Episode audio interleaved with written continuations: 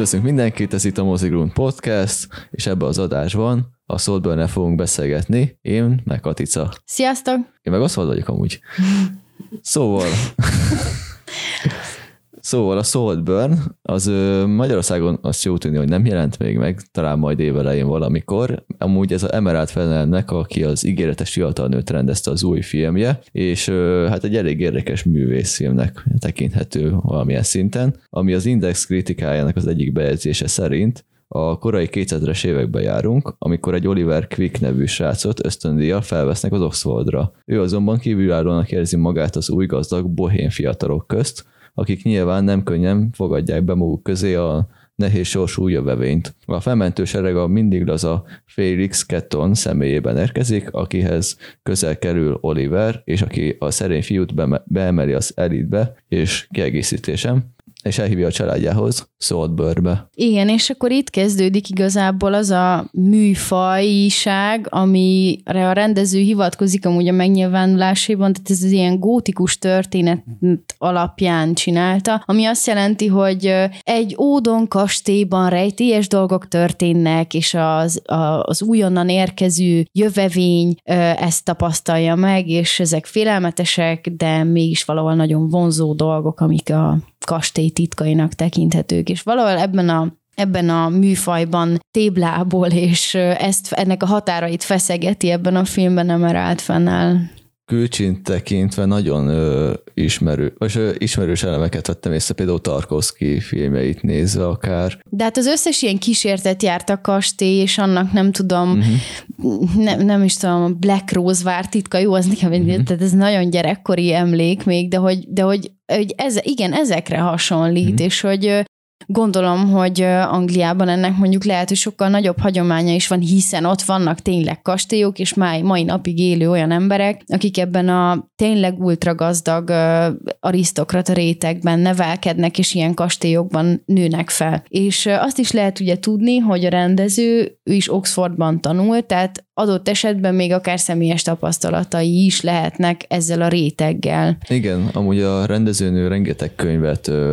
adott a színészeknek, hogy olvassanak el. Köztük van például, amiről már beszéltünk az egyszer voltban, a Rebeka is például. És amúgy ez nagyon látszik a filmben, hogy a, mind a rendezés, mind az írás, mind a színészek részéről is ilyen nagyon olvasott ö, emberekről van szó, akik amúgy ö, tényleg nagyon rákészültek ezekre a szerepekre, és nagyon ö, elmélyedtek a karakterbe, meg a környezetbe is. És amúgy például az elmélyedést olyan szempontból is értek, értem, hogy például Rosamund Pike, aki a Elspeth Kettont alakítja, a Félixnek az édesanyját, ő például a forgatási ideje alatt ezen a birtokon a Saltburn házban lakott végig, például, vagy a Minotaur szobrot a főszereplő az Olivernek a Barry Keegannek a testnek felhasználásával tervezték meg. Itt azért eléggé odafigyeltek a dolgokra, mint például amúgy a ruhatára is, hogy azt akarták érzékeltetni, hogy a brit elit az hajlamos lazán öltözködni, miközben ők az elit. És ez amúgy már az első jelentben nyilvánvaló, ahol Oliver ilyen teljes akadémiai egyenruhában van, míg mindenki más meg melegítőben meg farmerba járkál, és próbál beéleszkedni a gazdagok közé az öltözékével, miközben amúgy meg pont ezzel tűnik ki, hogy mennyire próbálja amúgy. Hát, hogy ő az ösztöndíjas. Tehát, hogy igen, aki, meg hogy próbál igen. betörni a gazdagok közé, hogy úgy is öltözködök, meg nagyon ö, okos vagyok, meg ilyesmi, miközben a, gaz, a gazdagok a farmerba, meg a lazába, meg ők még pont emiatt amúgy kinézik. És amúgy ez a filmnek a fő vonala is, hogy a Oliver az mennyire próbál beilleszkedni amúgy ebbe a közösségbe, és hogy a Félix az be meglátja azt a társad, akivel így, akin keresztül amúgy így belekerülhet ebbe a felső tízezerbe. És amúgy ez az a pont, ami a filmben, ami nagyon jól végig lett víve, és nagyon szépen, meg érzékletesen lett ábrázolva. Én nem értek egyet, de kicsit még beszéljünk arról, hogy amúgy az egésznek a milliója ez a 2000-es évek, és ezt a, a rendezőnő több nyilatkozatában is mondja, hogy hogy ő ebben az időszakban volt az Oxfordnak, vagy Oxfordban tanult, és hogy rá nagyon, tehát hogy nem szerette ezeket az éveket, meg hogy ilyen szörnyű volt mindenkinek a stílusa, borzalmasan néztek ki az emberek, de nem voltak okos telefonok, és nem volt internet, és hogy ez egy nagyon, nem volt annyira elterjedt még akkoriban. És hogy ez egy nagyon fontos része hogy ebbe a térbe helyezte ezt az egész cselekményt és történetet, mert rendezőnő elmondása szerint igazából ez az egész értelmezhető annak a, tehát arról is szól ez a film, hogy ahogyan, ahogyan a távolból csodálunk és és bálványozunk most már, ugye az interneten sztárolunk embereket, ideológiákat, követünk celebeket, stb. Tehát ennek az egész celebségnek igazából a, a krónikája, vagy egy, egy olyan világba való behelyezése, ahol ez még, hát nem tudom, face-to-face történik, tehát hogy internet nélkül. És nekem, am, amit mondok, hogy amit mondtam, hogy nem értek veled egyet, hogy nekem egy ponton nagyon, nagyon nagyot bicsaklott a történet, mert és Amúgy javíts ki, hogyha te észrevetted, de én er-, ezen utána tényleg sokáig gondolkodtam, hogy ugye látjuk, hogy ez a szegény Oliver bekerül ebbe a nagyon fancy közegbe, és egyszerűen nem tud mit kezdeni vele, de borzasztóan szeretne oda tartozni. Viszont a többiek, annak ellenére, hogy amúgy nagyon kedvesek, vele nem kedvesek, sőt, igazából levegőnek nézik. Aztán egy alkalommal mégiscsak szerencséje lesz, mondhatjuk, hogy szerencséje lesz. Egy véletlen. Vagy véletlen, igen, a mégiscsak bekerül a társaságba, és akkor onnantól fogva kész elindul a lavina, és egyre inkább azok szerint a, nem tudom, szabályok szerint próbál működni az Oliver, ami szerint ezek a tényleg magasabb társadalmi státuszból érkező fiatalok jönnek. De ez nem sikerülhet, ugye zöggenőmentesen, hiszen neki minden idegen. És ez ott ütközik ki a legjobban, amikor ugye elkerül ebbe a bizonyos Saltburn nevű hatalmas kastélyba, ahol a Félix és családja élnek egyébként. És hogy ott kb. szerintem a filmnek az ilyen egyharmadáig annyira elveszett, annyira ilyen gyámoltalan, és, és tényleg ilyen nevetséges, szegény abban a környezetben. Agyon nyomják a bútorok, a ruhák, a falak, a többieknek a stílusa, az a szabatossága, hogy a többiek beszélnek, különösen a Rosamund Pike előadása szerintem ebből a szempontból csodálatos, és utána egyszer csak történik egy váltás, és én nem fedeztem fel dramaturgiailag, hogy miért változik meg az Oliver, miért kezd el máshogy viselkedni. Ugye, amikor már ő kezd el úgy viselkedni, Igen. hogy behálózza a többieket, holott előtte teljesen úgy tűnt, hogy ő került be ugye a kastélynak a csapdájába. És én nem fedeztem fel, vannak tipjeim, de nem tudom megállapítani, hogy mi az az egy tényleg kiváltó ok, ami miatt utána nem tudom, fordul a kocka. A film egész történetét ismerve, és a filmben is elmondják, hogy van egy hasonlat a molylepkékkel, hogy a molylepkék befúrják magukat a ruhákba, és akkor úgy férkőznek be a ruhának a belső közegébe, és az Oliver is amúgy hasonló, az Oliver is hasonló volt szerintem, hogy ő amúgy így, neki ez a film egyharmadában, amit mondtad, ezt a kis gyámoltalansága, ez szerintem magának a ő, személyének a, olyan része volt, hogy ez, egy, ez az úgymond egy tervre, a tervre, tervre része volt. Hogy... Jó, én ezt értem, csak hogy egy a, olyan de, szemszögváltás a... történik ott szerintem, ami I... igen, tehát a fokozás, az hiányzik. Igen, mert tudom. a fokozás helyett egy pontot keresett, talált meg a Emerald Fennel, és helyezett ki, hogy ott vérszagot kap.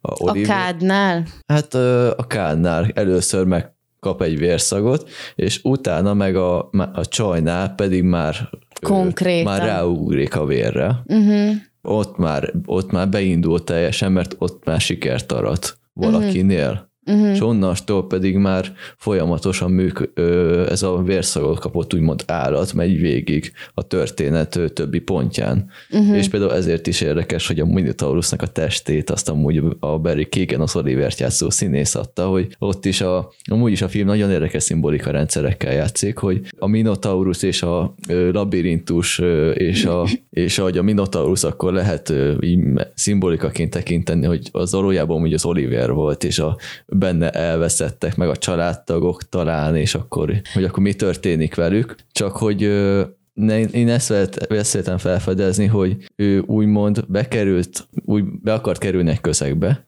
bekerült, akkor még úgy volt fel, hogy jó, akkor próbáljuk kielvezni, de csak óvatosan, de mikor már meg, mikor egy kicsit megtapasztalhatta a vérszagát, meg egy kicsit valamilyen szintű szexuális vonalat is ebbe, ott már volt benne egy kis változás, és utána, amikor már lehetett ugrani, mert adott lehetőséget neki valaki, akkor már ugrott is a lehetőségre, és onnastól pedig már teljesen beindult a állat. Szóval benne. azt mondod, hogy amikor először megtapasztalta a saját erejét, mm-hmm. nem a saját közegében, ott kapott valójában vérszemet, és Igen, akkor ott és neki indult hogy van helye amúgy ebbe a közegbe, értem, értem, értem. és akkor onnastól pedig már azon dolgozott, hogy azt a helyet, amit ő magának elképzelt, azt amúgy létrehozza. Teljesen kirágja. Igen, pontosan. Hát, és ez, e, e kapcsán szerintem érdemes említést tennünk a filmnek arról a ö, vállalásáról, hogy ahány testned van szerintem, az mind benne van. És ilyen szempontból nagyon érzéki, nagyon buja és nagyon bevállalós a film, hogy milyen mélységekig és milyen igen, milyen mélységekig viszi el a karaktereket, mennyire olyan helyzetekbe, amik már annyira abszurdak, hogy, hogy igazából teljesen, hát nem tudom, az ember úgy elundorodik, vagy így elidegenedik, miközben, miközben az adott karakter helyzetében meg kvázi érthető, hogy így ezt csinálja. És az Emerald Fennel től ezt olvastam egy interjújában, hogy azt mondja, hogy tehát, hogy ő nem akart igazából pártoskodni, tehát, hogy nem akarja se a gazdagoknak az igazát, se a gazdagok körébe soha be nem kerülő középosztálybeliek igazát állítani, hanem igazából csak vizsgálni akarta a kettőnek a az összeférhetetlenségét, vagy azt, a, azt, a, azt az áthidalhatatlan különbséget, amin hiába próbál valaki, hiába próbálja valaki átküzdeni magát, vé, egyszerűen végérvényesen nem oda tartozik. És ugye ez az Oliver, aki ezt képviseli, ezt a középosztálybeli, vagy hát a középosztályt képviseli,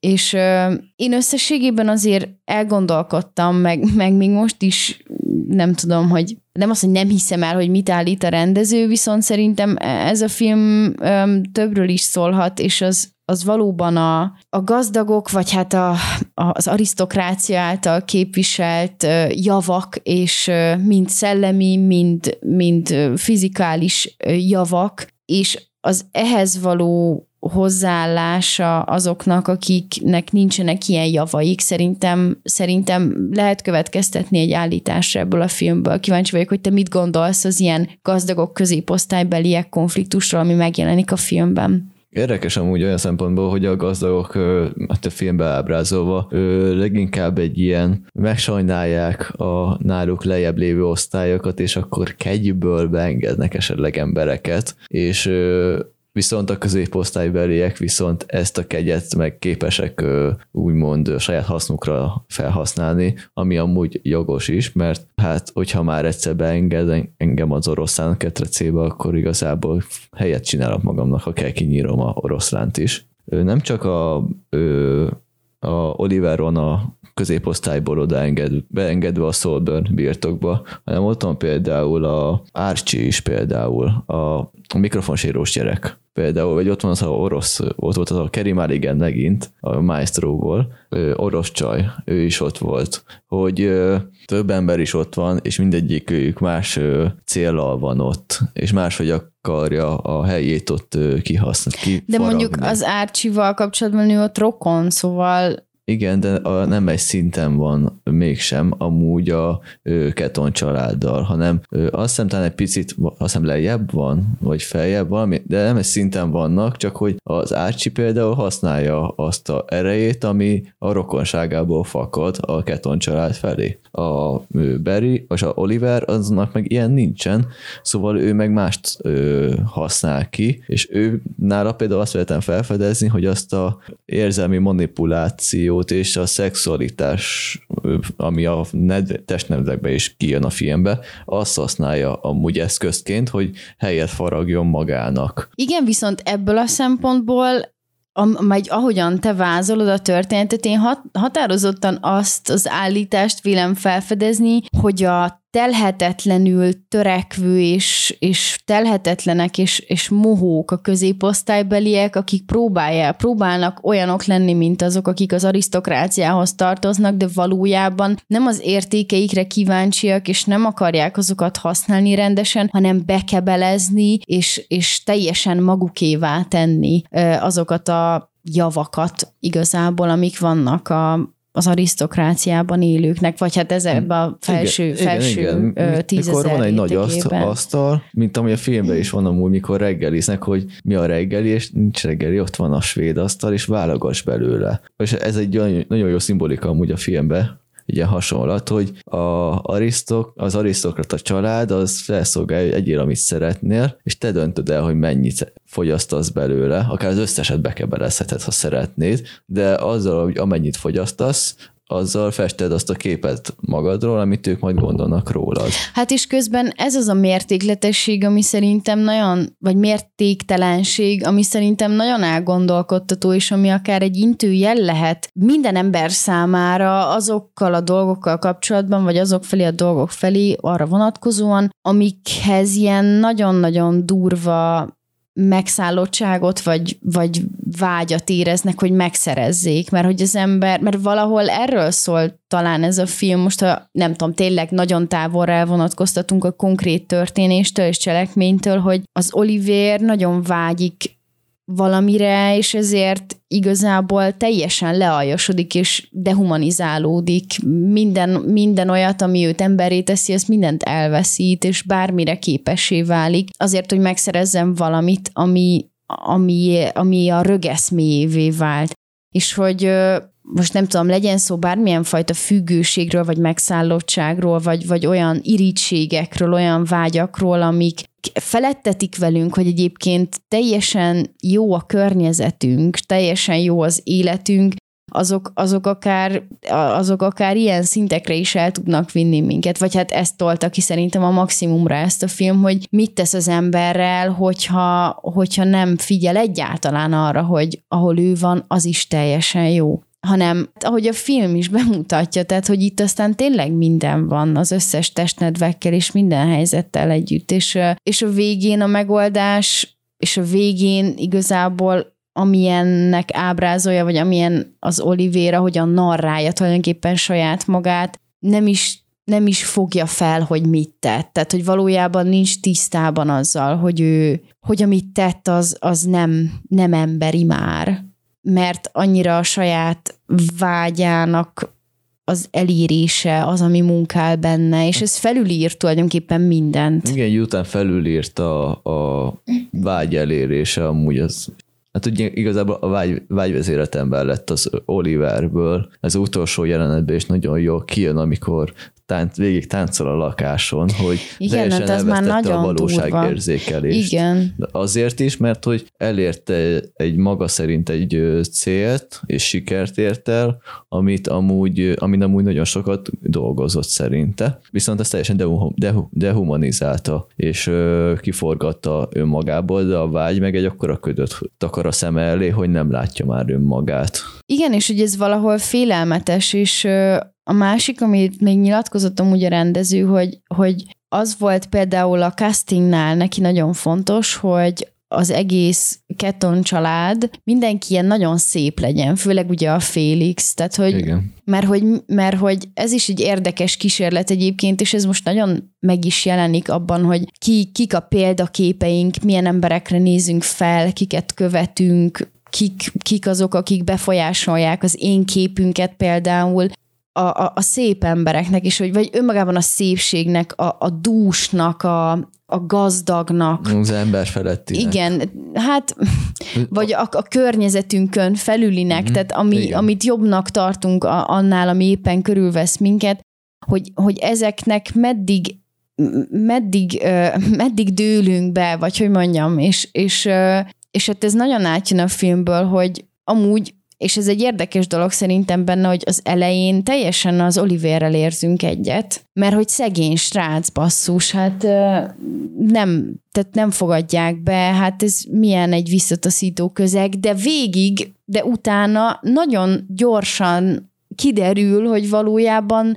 ez a közeg, mindenki kedves, mindenki nem tudom, szép, vonzó. Igen, de mivel nagyon szépek, ezért az elejének egy gyanúsak, hogy mit akarnak igen, az Olivertől. Igen, igen. Aztán meg jön a fordulat a filmben, aminél én is csak pisogtam, hogy az igen, azért az elég kemény húzás volt az egyik karaktertől, hogy ö, utána meg megfordult az egész, és már a, azt figyelted, hogy a, azzal a szép emberrel mit akar csinálni a másik karakter, és hogy hogyan történnek ezután a cselekmények. Hogy hát is, hogy teljesen a, a szépségnek és a vonzódásnak a befolyása alá kerülünk mi nézők is igazából, és ez a nagyon durva szerintem ebben a filmben, hogy, hogy egy idő után már egyáltalán nem tudunk azzal a kirekesztett sráccal érzelmileg együtt haladni, hanem, hanem azokat féltjük, akik pusztán, vagy hát pusztán, de hogy így elsősorban tényleg a szépségük és a vonzóságuk miatt közel kerülnek hozzánk. És akikre nem tudunk fölöttük pálcát törni, hiszen, hiszen gyönyörűek, és nem akarunk ebből a világból kikerülni, és ez tényleg, ezt nagyon durván bemutatja szerintem a film. Viszont amúgy említetted a szimbolikát, hát nekem az én, én azt egy kicsit gicsesnek éreztem, vagy hogy egy kicsit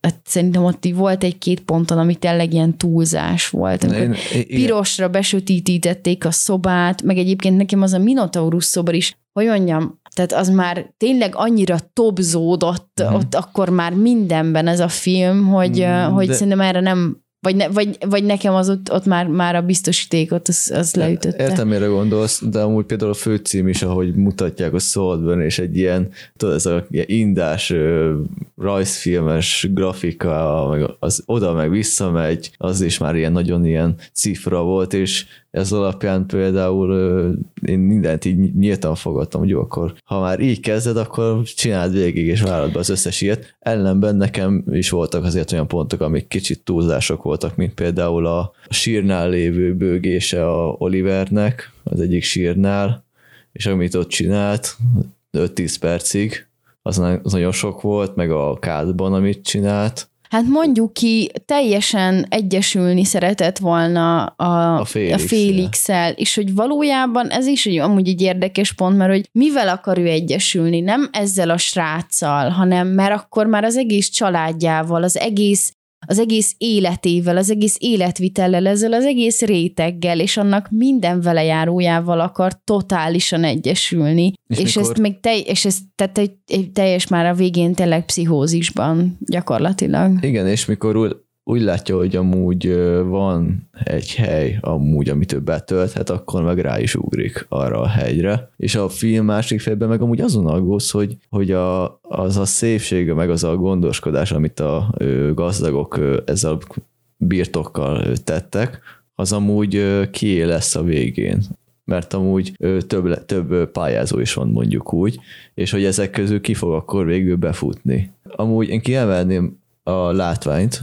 a Linus Sandgreennek a munkáját, az operatóri munkát, meg a világítást is, hogy az amúgy egészen elképesztő színvilág, meg ahogy használja a világítást is. És például említetted ezt a vörös függönyös dolgot, azt én például nagyon éltem, hogy csak a függönyt így behúzzák, és ott vörösbe vannak. Például a buliban, a, hogy szarvas volt a, a Barry Keegan, aki meg amúgy a, egyik Jorgos Lantimos filmben a Szent Szarvas meggyilkolásával szerepelt egy kis apró utalás, de meg a különböző ruházati apróságok, hogy kis hogy is elkezd. Szemöldök piercingje van a Jacob Elordinak, ilyen nagyon cifra ruhákat hord a Rosamund Pike, úgy az egész setting azt amúgy nagyon érdekesen hozta össze. Hát sőt, tehát nagyon túltelítették, és nagyon-nagyon színes és szagossá, cukormázzal leöntött világá változott ez az egész Saltburn, és egyébként a 2006-os Oxford igen. is, tehát hogy, hogy egy elképesztően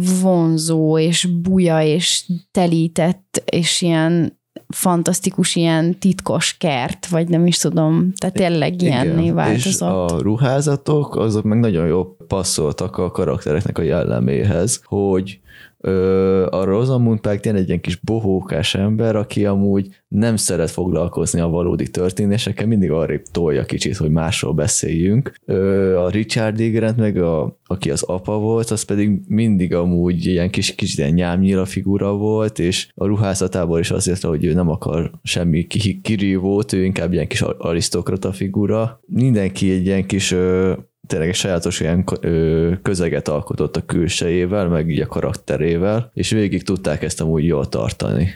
És ez amúgy rendkívül tetszett. és közben ott volt amúgy az Oliver, aki pedig egy ilyen mindig semleges ruhákat hordott, vagy hogyha úgy volt, akkor meg felvette egy smokingot, mikor teniszezni mentek. Ő meg ilyen kis kaméleon egy idő után így alkalmazkodott a közegéhez is. Igen, és a színészi játékuk egyébként főleg tényleg a Barry Cogannek amúgy egészen elképesztő volt szerintem, és összességében amúgy a casting szerintem fantasztikus volt benne, szóval Igen. tényleg mindenki annyira annyira hiteles volt, és, és, és nagyon-nagyon látszott az erre való odafigyelés, és ez egyébként szerintem egy rendkívül tényleg rendkívül izgalmas dolog olyan főszereplőt, vagy olyan, hát nem tudom, igen, főszereplőt tenni, aki, aki egyébként elsőre talán nem tűnik egy szimpatikus alaknak, és vele szemben meg elhelyezni tényleg nagyon szép embereket, tehát hogy a nézőnek mi a szépséghez való viszonya, a karaktereknek mi az egymáshoz való viszonyuk, akár ennek vonalán, vagy ennek mentén. Szerintem ezek is nagyon, nagyon-nagyon alátámasztotta ezt a, a színészválasztás, hogy, hogy milyen, milyen milyen lehet az, aki tényleg hát kvázi szinte fizikai adottságainál fogva nem tartozhat valaki közé.